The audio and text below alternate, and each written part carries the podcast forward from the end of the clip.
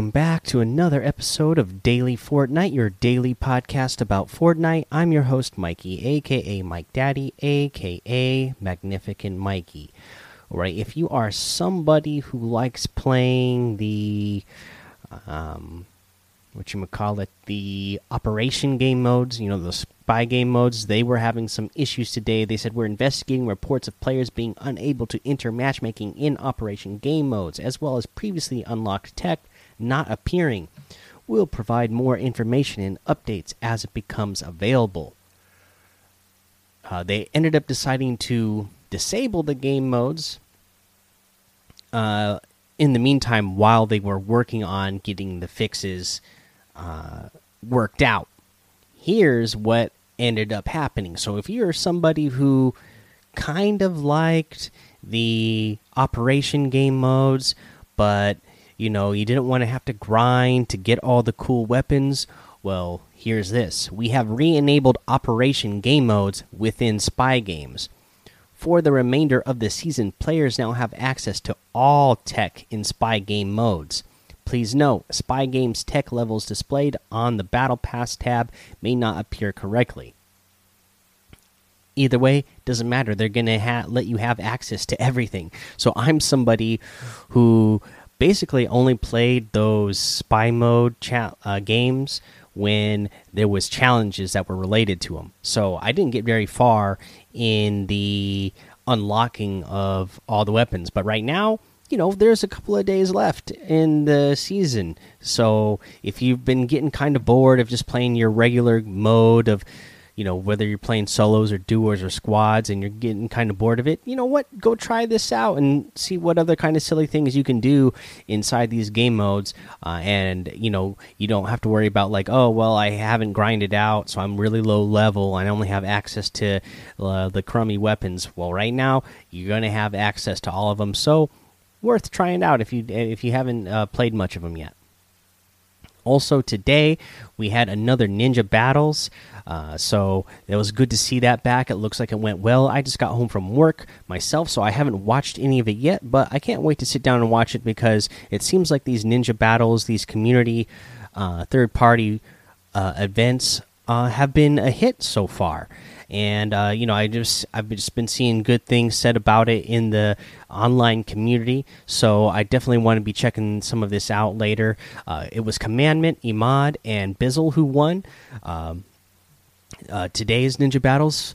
Uh, again, Ninja Battles will happen again next week. Uh, will be week three, so that is exciting. I like what Ninja he posted a little uh, video about it on his um, which we call it on his Twitter, a little video, uh, just kind of talking about again, you know, if you're somebody, uh, you know, who's up and coming, again, he's uh, obviously addressing players directly to who who the players who are getting invited to this event. But I want uh, some of you who are up and coming in the community to think about this for yourself. Uh, you know, in the future, if you ever get invited to an event, and he was just saying, you know, if you get invited to these events uh, or any event, uh, you know, just kind of think about how the way you the behave during the event or during interviews. Again, because uh, not only are you going to be making your you know your family and your friends proud, but uh, again, you want to make yourself proud. You you want to make your future self proud. You know, like he said in his video. You know, a year later, uh, a month later, a week later, you want to be able to look back and say, you know what, I'm proud of the person that I was during this event, uh, you know, and during this time that I got spotlight. Uh, there's been plenty of players uh, in the community who have been invited to events and who have even done really well at LAN events, in person events. Uh, that I have just, you know, I started following them because they did well at an event that just never went anywhere with it. Uh, you know, and it's always kind of a bummer to see. You think, oh, okay, this person, uh, they're about to pop off, uh, and then they just kind of don't know how to put their uh, stuff together, uh, personality wise, uh, on their social media to really turn this thing into a career. That's always kind of a, a bummer to see. So if you if you can you know just again just uh, overall just be a good person, uh, you can really uh, th that that goes a long way, and that can carry your career a long way. Uh, so especially if you're getting to the invited to these kind of events, just keep that in mind. Uh, and you know, I know there's like none of us here that are doing it, but again, just keep that in mind for the future because I know uh, some of you are up and coming and really good at this game. Uh, let's see here, guys. Uh, let's go ahead and take a break here. All right, let's go over today's item shop. And today's item shop is jam packed with some good stuff. First up, we have the Kuno outfit with the dual comma back bling for 1,500. I really like that one. The Kenji outfit that comes with the katana and kunai backbling for 1,500. I really like this one.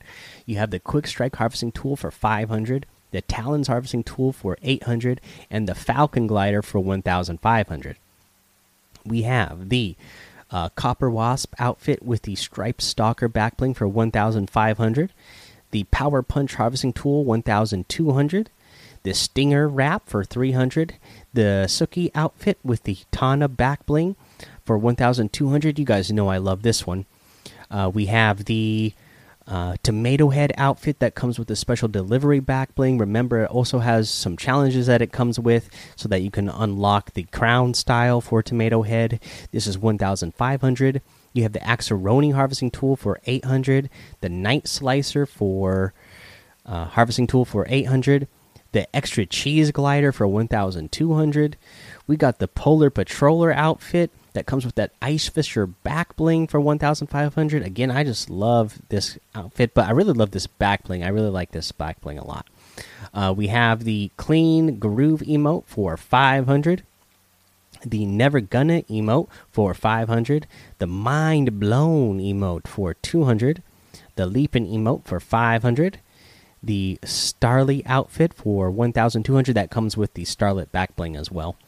Uh, and then uh, we have a bunch of the Marvel Deadpool uh, stuff in here. So we have the uh, the Ravenpool or the Deadpool mashups uh, bundle for 2,000 V bucks. So you're going to get the Ravenpool outfit, the Ravenpool's cage back bling, the Cuddlepool outfit, and the Cuddlepool's bow back bling. Again, all for 2,000 V bucks for this bundle. Also, the Deadpool gear bundle, which has the Dragacorn glider, the Scootin emote, the Chimichanga emote, and the Meaty Mallets harvesting tool for 2,000 V bucks as well. Uh, you have the X Force outfits uh, bundle, so you're going to get the Psylocke outfit with the Shur Shurayuki back bling, the Domino outfit with the Domino pack back bling, the Cable outfit with the cable cloak back bling, all for 3,000 V bucks. Uh, let's see here. The X Force gear bundle is in here as well. So it has the Psy Blade harvesting tool, the Psy Rider glider, the Probability Dagger harvesting tool, and the Unstoppable Force harvesting tool for 2,000 V bucks. Uh, so that's all uh, the bundles. So you can get all that really cool stuff the bundles. Uh, we'll quickly go over the individual items real quick. So if the Psylocke outfit, 1,500. The Psy Blade harvesting tool, 1,200. The Psy Rider glider, 1,200. The Domino outfit for 1,500. The Probability Dagger for 800. The uh, Cable outfit for 1,500. The Unstoppable Force harvesting tool for 800 uh, we got the Ravenpool outfit uh, itself for 1,500. The Dragacorn glider for 1,500. The Scootin emote for 500. The Chimichanga emote for 300. The Meaty Mallets harvesting tool for 800. And the Cuddlepool outfit for 1,500. All right, that's all the items today. Uh, those individual items as well. You can get any and all of those items using code MikeDaddy, M M M I K E D A D D Y, in the item shop, and some of the proceeds will go to help support the show. All right, so now let's go ahead and get to our tip of the day. So, for our tip of the day, it's going out to our controller players out there. I know there's a lot of players in our Discord who are console players, and then some PC players who are uh, trying the, out the controller. Uh, and this is just a setting uh, tip. So, uh, you know, I've been I've been messing around with the settings on my controller, and I have found that the the one of the settings you can set for controller is your dead zone on the sticks. And i'm, I'm finding uh, what a lot of the pros are using and what i have found is definitely feeling the most comfortable is 10% i tried to go even lower to see if i could uh, get even more control over it and I got I got the opposite effect. I, I went too low. I went down to five percent. That's the lowest it'll let you go, and then it was just like too wild. Like you barely breathe on your sticks, and then your your your your your uh, aim's going all over the place. So I bumped it back up to ten percent, like most of the pros have, and I found that was uh, perfect. So make sure you have that dead zone set to ten percent. And if you control the players, if you don't know what the dead zone is and why you want it at ten percent, so the dead zone is how far you move your stick because the sticks again they're not they're not perfect, which is why we have aim assist. Uh, so the dead zone is how far you move your stick in any direction before the the reticle will start responding on the screen. So if you the the smaller you have it, the the lighter you touch it, the sooner uh, you're going to get a response from it. If you have your you know if you had your um, what you call it uh, dead zone set to like 90% that means you'd have to move your stick like pretty much all the way forward uh, or in any direction before that uh, before you would see any movement at all. Uh, so that 10% makes it so that you can tap it just a little bit uh, and it won't move it around too much but you can still move your stick in any direction just a a little bit and have good control over your aim. So that's that's why you want to do that. All right, guys, that's the episode for today. Go join the daily Fortnite Discord and hang out with us. Follow me over on Twitch, Twitter, and YouTube. It's Mike Daddy on all of those. Head over to Apple Podcasts, leave a five star rating and a written review for a shout out on the show. Make sure you subscribe so you don't miss an episode. And until next time, have fun, be safe, and don't get lost in the storm.